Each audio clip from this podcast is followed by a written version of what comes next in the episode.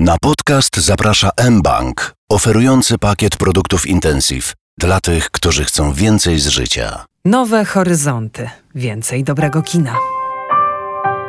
Kino Ameryki Północnej. Rozrywka czy wyzwanie? 21 lipca rozpocznie się we Wrocławiu Międzynarodowy Festiwal Filmowy Nowe Horyzonty. Jak co roku od 22 lat program wypełni najciekawsze kino artystyczne. Potem do 7 sierpnia filmy będzie można oglądać w trybie online. Pokazane zostaną najgorętsze tytuły prezentowane na światowych festiwalach, w tym na ostatnim w Cannes, perły filmowej awangardy, a także klasyka kina. W trzecim odcinku podcastu Nowe Horyzonty Więcej Dobrego Kina przyglądamy się filmom tworzonym w Ameryce Północnej, które zobaczymy w tym roku we Wrocławiu. Rozmawiamy z Urszulą Śniegowską, dyrektorką American Film Festival, współkuratorką tegorocznej retrospektywy Jonasa Mekasa, przygotowanej wraz z Romanem Gutkiem, założycielem festiwalu Nowe Horyzonty. Prezes Stowarzyszenia Nowe Horyzonty jest także gościem podcastu. Spotkanie nosi tytuł Kino Ameryki Północnej rozrywka czy wyzwanie? Zapraszam, Magda Juszczyk. Jesteśmy troszkę, może nie w kłopotliwej sytuacji, ale no w takiej złożonej, bo musimy obdzielać y, dwa festiwale, czyli Nowe Horyzonty i American Film Festival, oglądając filmy amerykańskie na różnych festiwalach. No i tutaj też nie ukrywam, jako szef Stowarzyszenia Nowe Horyzonty, staramy się przede wszystkim jednak myśleć o American Film Festival, który się odbywa od kilkunastu lat, już będzie 12 edycja w tym roku. 13. Tak? 13 edycja. Duże tytuły artystyczne, to są te wielkie filmy, nasze filmy otwarcia, zamknięcia, z wielkimi gwiazdami, no najciekawsze propozycje nadchodzącego sezonu, a jednocześnie właśnie takie super małe filmy. Z jednej strony jesteśmy zobowiązani wobec publiczności, ale i tego, co na rynku jest obecne, co Ameryka produkuje. No staramy się, żeby te atrakcyjne pod różnym względem, nie mówię tylko o filmach głośnych, ale interesujących, ciekawych, one jednak były pokazywane na American Film Festival. I ta obecność kina z Ameryki Północnej, a przede wszystkim ze Stanów Zjednoczonych na Nowych Horyzontach nie jest aż tak mocno reprezentowana, aż tak znaczna właśnie. I staramy się oczywiście wybierać i dzielić te tytuły między te dwa festiwale, no ale jednak no, na korzyść amerykańskiego. To jest znacznie mniejszy festiwal, pięciodniowy, sześciodniowy w porównaniu do dziesięciodniowych horyzontów. Rzeczywiście dyskutujemy zawsze, czy dany tytuł ma większe szanse tutaj na Nowych Horyzontach, czy warto z nim poczekać na jesień, na ten bardzo sfokusowany na, na kinie amerykańskim festiwal.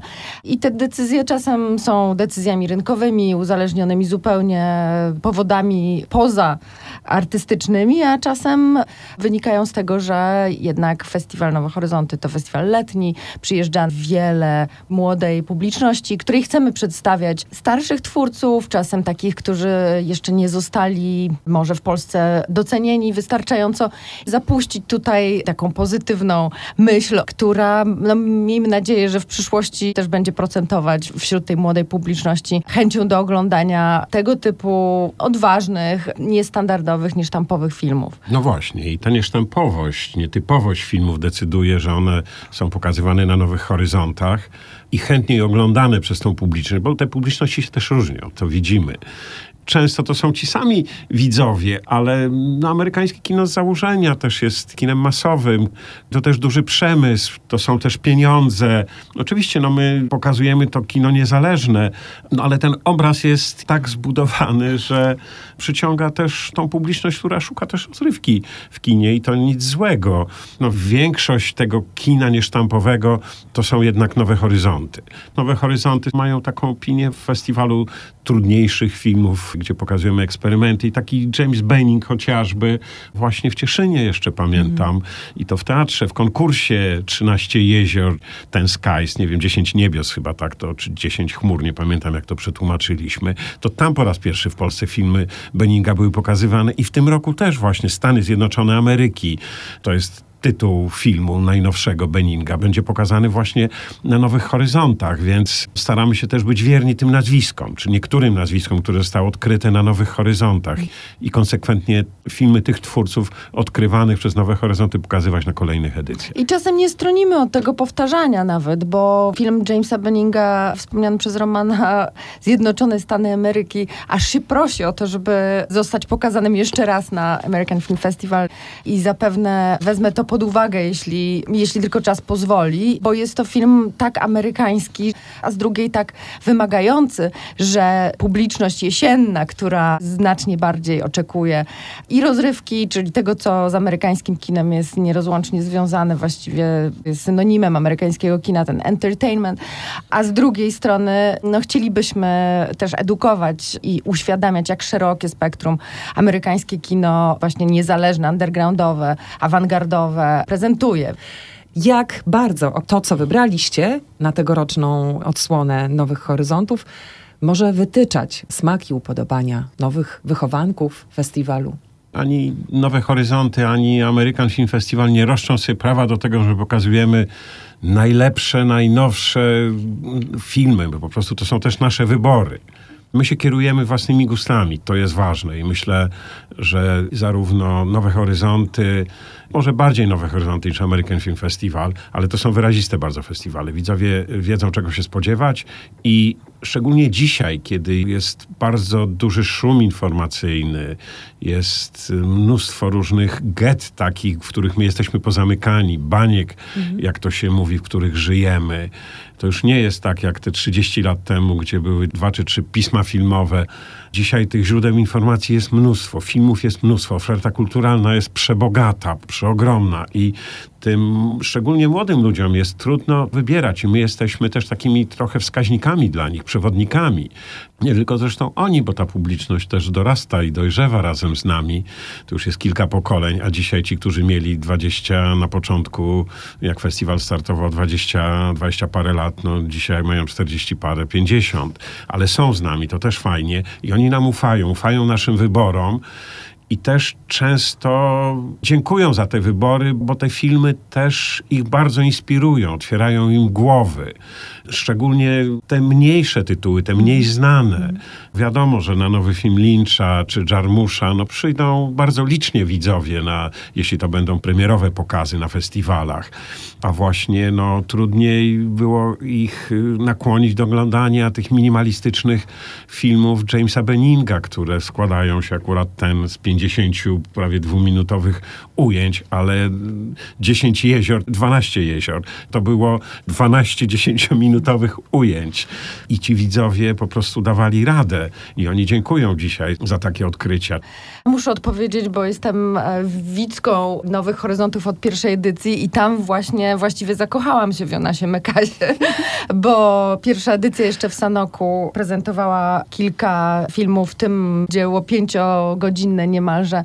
Kiedy szedłem przed siebie, widziałem króciutkie przebłyski piękna i ten film mnie kompletnie oczarował, rzucił na kolana i tam, gdzie mogłam, ten film i inne filmy Mekasa prezentowałam i tą twórczością i zawodowo, i akademicko, że tak powiem, mm. interesowałam się. I stąd też powroty właśnie Mekasa i ludzi z Mekasem związanych, artystów, których on promował, czy artystów, z którymi współpracował, których po prostu podglądał, z którymi się przyjaźnił, bo w jego życiu i twórczości właściwie to było jedno. Ludzie, którzy go otaczali i z którymi współpracował, to były te same osoby. I Jonas Mekas zresztą był również obecny i w poprzednich edycjach American Film Festival, ale i w tej ostatniej, dwunastej gdzie zrobiliśmy swojego rodzaju taką zapowiedź retrospektywy tegorocznej, kiedy obchodzimy stulecie urodzin Jonasa Mekasa.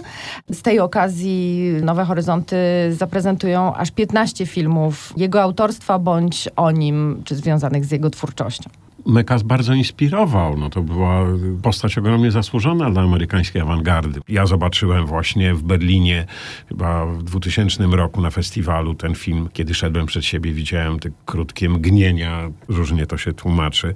Film Dziennik, bo Mekas słynie z tego, czy słynął z tego, że robił notacje, bo się nie rozstawał z kamerą i później montował te dzienniki niezwykłe.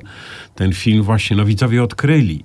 Wybierając filmy Mekasa nie tylko chcieli chcieliśmy pokazać danego człowieka, ale w ogóle taki sposób robienia filmów, który może kogoś zainspirować, czy może zmotywować do, do, do wzięcia kamery w rękę. Zresztą Jakub Duszyński, nasz kolega, tak zresztą zrobił i. jego film włączyliśmy w retrospektywę. Obydwaj tworzyliśmy Nowe Horyzonty na początku. Bardzo tak, blisko pamiętam. Jakub był Duszyński Nowych Horyzontów. I też zainspirowany i twórczością Mekasa i po prostu I taką nim, wolnością. I spotkaniem tak, z nim. jako człowiekiem e, skłoniło go do i innej twórczości filmowej, ale również do zrobienia krótkiego filmu o tym spotkaniu. I ponieważ retrospektywa tegoroczna Mekasa koncentruje się na tym właśnie autobiograficznym aspekcie, to wydało mi się to bardzo fajne, żeby wśród autobiografii i autoportretów Mekasa pokazać właśnie też to, jak inni robią te portrety o nim. W związku z czym to ośmiela, to zachęca, pozwala zobaczyć kulturę amerykańską jako niezwykle różnorodną i taką otwierającą. Właśnie ta American Freedom, wydaje mi się, w sztuce ma największy wyraz, bo pozwala zobaczyć, że właściwie wystarczy chwycić kamerę i mieć dobry pomysł, mieć coś do powiedzenia o sobie, o życiu, o swoim postrzeganiu świata i można zostać światowej klasy artystą i sami widzowie taką drogę przechodzą i to jest też fantastyczny taki fajny rozwój, samorozwój. W ten sposób też się uczą świadomego wyboru i to jest bardzo istotny też element. Odnośnie retrospektywy Mekasa, która jest być może najtrudniejszym elementem tegorocznych Nowych Horyzontów, bo są to właśnie filmy niefabularne, chociaż jak Mekas mówi, są to dzienniki i dokumenty, wydawałoby się, to są to filmy narracyjne, bo on przecież wybiera fragmenty, które do tych dzienników używa i jest tam bohater, czyli on i jego przyjaciele i jest akcja. Ale przygotowaliśmy książkę pod tytułem Przebłyski piękna spotkania z Jonasem Mekasem, inspirowanym właśnie tym tytułem pięciogodzinnego filmu, o którym już wspominaliśmy. Napisaną przez Andrzeja Pitrusa, niby akademika, wykładowcę profesora Uniwersytetu Jagiellońskiego, ale z perspektywy bardzo osobistej. Znowu jest to podejście, takie jak do tej całej retrospektywy, bardzo indywidualne. I Andrzej Pitrus opowiada tutaj o swoich prywatnych przeżyciach poszczególnych filmów, poszczególnych etapów twórczości Mekasa. Jest to fascynująca lektura i myślę, że też będzie wspaniałym wstępem do retrospektywy. Książka jest już na naszej stronie internetowej do kupienia. Z drukarni wyszła dzisiaj, także bardzo polecam. Ja też polecam. Mimo, że Andrzej Pitrus jest znanym akademickim profesorem, ta książka jest pisana z bardzo osobistej perspektywy. Jest erudycyjna, ale świetnie napisana. To jest pierwsza książka poświęcona Mekasowi po w Polsku. Polsce. Mm. Tylko pierwsza część dzienników to Krzysiek Czyżewski i Pogranicze kilka lat temu wdali. Jest zresztą do kupienia i też polecamy Państwu pierwszą część. Miejmy nadzieję, że Krzysiek wyda drugą część tych dzienników. Tak, no co ważne, to czy ważne? No ważne. No, Andrzej Pitrus po raz pierwszy zetknął się z filmami Mekasa właśnie w Sanoku na retrospektywie i o tym publicznie mówi. Pisze zresztą w książce o tym później. Y, Jonas Mekas dostał w Krakowie Smoka Smoków na krakowskim festiwalu. Był tam i była retrospektywa jego filmów i Andrzej właśnie no, po raz pierwszy spotkał, Andrzej Pitrus spotkał Mekasa. Też będzie wystawa poświęcona Mekasowi, to chyba nie jedna. Słuchając tego, co mówicie, przekładając też y, to znaczenie festiwalu na życie na przykład mediów, to pojawia mi się takie hasło opiniotwórczość. Gdyby spróbować zbudować takie słowo dla festiwalu Nowe Horyzonty, to co to jest? Opiniotwórczość, gustotwórczość, dyskusjotwórczość, sporotwórczość, hmm. od sporów. Mhm. Dyskusji. Mhm. Wszystko na pewno tak, ale właśnie opiniotwórczość, to, że te filmy inspirują, gustotwórczość. Może. A ja bym powiedziała, że to jest takie duże pole do wyboru tego, co się lubi, bo mhm. naprawdę bardzo różnorodne są te filmy i tegoroczne, i co roku e, na horyzontach, i też rozrywkowe, i też właśnie gatunkowe, i też nudne, e, patujące analizą jednego ujęcia, tak jak mówisz, choćby w Benningu, e, w filmach Jamesa Benninga, ale to jest właśnie ten cały ocean, z którego możemy wybierać i współczesne, i historyczne, bo też no, retrospektywy pokazują, więc bogactwo kina. I jeszcze raz chciałam powiedzieć, otwieranie głowy. To jest coś, Na co... doświadczenie. Tak, Tak. doświadczenie. I doświadczenie na dużym ekranie, bo też to się powtarza od czasu, gdy platformy zawładnęły naszym życiem na co dzień, że to doświadczenie filmów Jonasa Mekasa w kinie jest zupełnie nieporównywalne do tego, jakbyśmy obejrzeli ten film na ekranie komputera, czy nawet dużego telewizora. Może damy naszym słuchaczom, słuchaczom podcastu Nowe Horyzonty więcej dobrego kina, takie typy, podpowiedzi, podszepty, jakie kino, jakie filmy z Ameryki Północnej w tym roku namierzyć, złowić. My oferujemy rzeczywiście taki obficie zastawiony stół przeróżnymi daniami i teraz ty, widzu, wybieraj, ale Kosztuj. musisz się nauczyć wybierać też, co jest bardzo ważne, bo rzeczywiście no, ponad 200 tytułów to trochę przytłacza na początku, szczególnie tych, którzy no, są pierwszy raz na festiwalu. I te nazwiska nic im nie mówią. No właśnie, Tak. większość nazwisk też nic nie mówi, Tak. ale oni chcąc się jakoś świadomie poruszać, ja to zawsze mówiłem od samego początku, poświęćcie dużo czasu. Już program będzie 5 lipca ogłoszony, trzy tygodnie przed festiwalem. Poczytajcie sobie o tych twórcach. Może niekoniecznie o tych filmach. Ja nie lubię na przykład wiedzieć Tak, wcześniej. Jeśli mówić o Ameryce Północnej, to jednym z takich nazwisk już rozpoznanych, ale też wymagających od widza będzie na pewno nowy film Davida Cronenberga. Crimes of the Future, Zbrodnie przyszłości, który jest zresztą, jak się okazuje, remake'iem jego własnego filmu, czy zrobiony jest według tego samego scenariusza, co, co film o tym samym tytule z 77 roku. Jednocześnie science fiction, ale taki postutopijny, można powiedzieć, dosyć drastyczna wizja przyszłości z Viggo Mortensenem i Leon Seydoux w rolach głównych. Muszę przyznać, że obejrzałam ten film dwa razy, żeby różne jego szczegóły, szczególiki wyłowić i jest to rzeczywiście film inspirujący i dla ludzi, którzy interesują się sztuką współczesną i sztuką performance'u i wizjami przyszłości.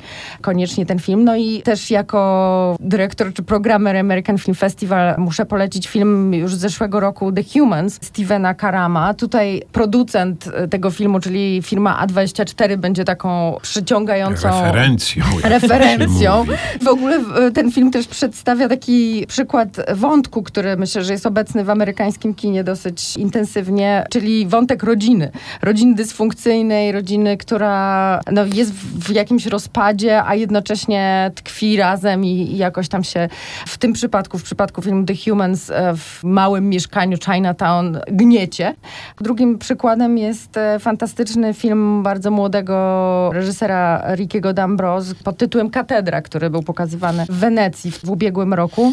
To takie swego rodzaju odkrycie, właśnie amerykański reżyser, który przełamuje te zasady opowiadania chronologicznego i przyczynowo-skutkowego i też o swoich osobistych przeżyciach. Znowu mamy ten mekasowski autotematyzm. Opowiada z perspektywy właśnie całej swojej rodziny od lat 80., 90. do dzisiaj. Też oczywiście niezupełnie standardowej, sztampowej rodziny. Tak, no też polecam ten film, widziałem i myślę, że był na mojej liście później. Wróciłem e, z Wenecji, właśnie zawsze takie przygotowujemy listy, rekomendujemy. Ja polecam tym razem film kanadyjski. Denis Cote jest reżyserem tego filmu, znany, bardzo znany nowohoryzontowej publiczności i wielokrotnie był we Wrocławiu. Takie lato, That Kind of Summer, angielski tytuł. Film był prezentowany w Berlinie w konkursie w tym roku. No jak to zwykle u Denisa Kote bywa, on się przygląda ludziom, którzy gdzieś tam żyją zupełnie z boku, na marginesie społeczeństwa. Tym razem gorące lato, domek gdzieś na końcu świata, nad jeziorem. Trzy kobiety, które cierpią z powodu niemożności zaspokojenia popędu seksualnego. No brzmi to od razu tak troszkę skandalicznie, ale no, filmowi daleko, daleko do skandalu, bo on się przygląda po prostu tym trzem kobietom. No nie chcę tu wchodzić specjalnie w szczegóły, zachęcam do, do zobaczenia, zresztą nie muszę specjalnie zachęcać. One są poddane troszkę obserwacji.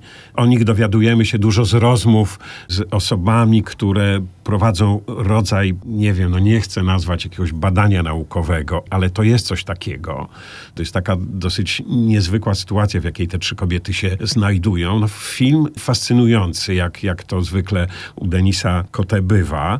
Denis Kote będzie we Wrocławiu, ale też wcześniej właśnie no, napisał mi informację, że będzie prywatnie w Warszawie, bo będzie w Karlowych Warach za chwilę, później na chwilę do Francji i ma jakąś taką lukę i postanowił przyjechać do Warszawy, nigdy nie był. Postanowiliśmy w związku z tym w kinie Muranów pokazać trzy jego filmy. Wybraliśmy wspólnie i 17-18 lipca będzie można zobaczyć, to jest y, niedziela i poniedziałek, trzy jego filmy. Wilcox, Higiena Społeczna i Antologia Duchów Miasta. Denis Cote zgodził się i zresztą chciał, sam zaproponował, że po każdym z tych pokazów spotka się z widzami, co też jest fajne i to duża gratka. Będzie później oczywiście we Wrocławiu z tym filmem, o którym powiedziałem, takie lato, więc serdecznie zapraszam i do Muranowa najpierw, a później do Wrocławia na jego najnowszy film i na te spotkania. Chciałbym też polecić dokument Alleluja Leonard Cohen. Taki będzie miał tytuł, a angielski tytuł jest Alleluja Leonard Cohen, The Journey and the Song. Już jest to głośno jest o tym filmie. Też film prezentowany w Wenecji w ubiegłym roku tak. na specjalnych pokazach i zgromadził tłumy. I dobrze, i nie było rozczarowania legenda Coena kwitnie, rozwija się cały czas, cały czas jest słuchany. Autorzy, bo to dwójka, dwójka dokumentalistów zrobiła ten film, no skupiają się na tej słynnej, na jednym z hymnów, czy takich no wręcz ikonicznych już piosenek Coena, Aleluja. Pochodzi ta piosenka z początku lat 80. na albumie e, wydanym w 84 roku, Various Tak się ten album nazywał. I przede wszystkim dowiadujemy się tam, jak był niezwykły proces powstawania tej piosenki. To nie jest tak, że mm. Cohen napisał to w ciągu, nie wiem, tygodnia czy dwóch nocy, dni i nocy. Było ponad 100 wersji tego utworu, to jest nieprawdopodobne. I jak były różne losy, jak wytwórnie odrzucały tę piosenkę czy płytę, na której ten utwór był wydany, więc Powstał film sensacyjny, jest... rozumiem? Dokładnie, no. chciałam to powiedzieć, że ten film jest niemalże sensacyjnym dokumentem. Dokładnie, a dwa zawiera no po prostu mnóstwo materiału, y, mnóstwo... Muzycznego wykonań tego utworu. Tak, ale też materiałów archiwalnych, do których twórcy otrzymali dostęp po śmierci Coena w 2016 roku. Pod wieloma względami to jest niesamowity film, ale też właśnie to, o czym mówi Urszula, też wykonania przeróżne. I gdzieś wyczytałem, że na świecie ponad 300 różnych wersji istnieje właśnie Aleluja. No w Polsce też. Maciek Zębaty wykonywał. Ja pamiętam, byłem na koncercie w 1985 roku w Kongresowej. Nie tylko dla fanów Coena, ale myślę, że dla młodych ludzi to też będzie odkrycie, no bo to jedna z ważniejszych postaci w ogóle w historii muzyki. Jego kawery wykonywali YouTube, Bono i Nick Cave, mnóstwo innych ludzi. Z jednej strony przyglądamy się właśnie, no, jak, jak powstawał ten utwór i różnym wykonaniom tego utworu, ale też bardzo dużo ciekawostek jest tam dotyczących po prostu Leonarda Coena. No, mamy jeszcze amerykańskie filmy Agnieszki Holland, bo mamy retrospektywę tej reżyserki. Pierwszą tak dużą retrospektywę w Polsce. Pokazała się książka Karoliny Pasternak, o Agnieszce Holland, biografia taka bardzo, bardzo solidna i będzie Karolina z nami. I będzie Agnieszka Holland właśnie, Plac Waszyngtona będzie można zobaczyć. I też mniej znane filmy telewizyjne, Strzał w serce, między innymi. Co jeszcze? No come on, come on tytuł, który widziało mnóstwo ludzi, tym razem pokażemy na rynku. To są też takie właśnie niezwykłe pokazy, jak kilka tysięcy ludzi codziennie o 22 gromadzi się na pięknym wrocławskim rynku i, i ogląda na ogromnym ekranie filmy, więc... To jest no, też dbałość o atmosferę festiwalu. Budujemy i też to przyciąga taką publiczność, która może nie wybrałaby się na Nowe Horyzonty, na festiwal ale no dzięki temu, sam wiem o tym, dużo ludzi przyszło i powiedziało, no zachęciliście nas tymi filmami, które pokazujecie na rynku. Przyszliśmy i kupiliśmy bilety w kinie po prostu i to jest fantastyczne. A dwa, no to robi też no, niezwykłą atmosferę. No, przez te Niezwykłe. 10 wieczorów tłumy ludzi siedzą i przed ekranem, i w kawiarniach, i, i na karimatach sobie gdzieś i oglądają filmy. I tworzymy święto kina i, i świętujemy kino, celebrujemy kino, twórców, może nie tych super głośnych, ale tych niezależnych i oni lubią bardzo przyjeżdżać do Wrocławia i widzowie, i twórcy. To są momenty, które każą spinać to, o czym mówicie, w takie hasło więcej dobrego kina. Czy ten apetyt wasz to właśnie zasadza się w tym więcej? Żeby mieć więcej i kina, i przeżycia kina, i opisu tego kina? Nie, nie idziemy na ilość. Myślę, że wybieramy rzeczywiście to, co wydaje nam się najbardziej atrakcyjne pod względem otwierania głowy, pod Mhm. względem otwierania nowych perspektyw i patrzenia swobodnego na, na życie. I też myślę, że należy się cieszyć tym, co świat nam oferuje. I ja ciągle mam poczucie, że mam za mało czasu, że może te 4,5 godziny tego filmu to jest e, za mało, żeby zobaczyć, jak te mgnienia piękna, czy przebłyski piękna nam tylko przelatują przed e, oczami. I rzeczywiście można iść do lasu i doświadczać piękne przyrody, ale w kulturze, w sztuce jest też tak wiele do doświadczenia, że myślę, że to jest i tak mały wycinek tego, co świat nam oferuje. Nie tylko o kinie Ameryki Północnej rozmawialiśmy dzisiaj w podcaście Nowe Horyzonty Więcej Dobrego Kina z Ulką Śniegowską i Romanem Gutkiem. Bardzo Wam dziękuję za wizytę w studiu i za rozmowę. Dziękujemy Dziękuję. bardzo.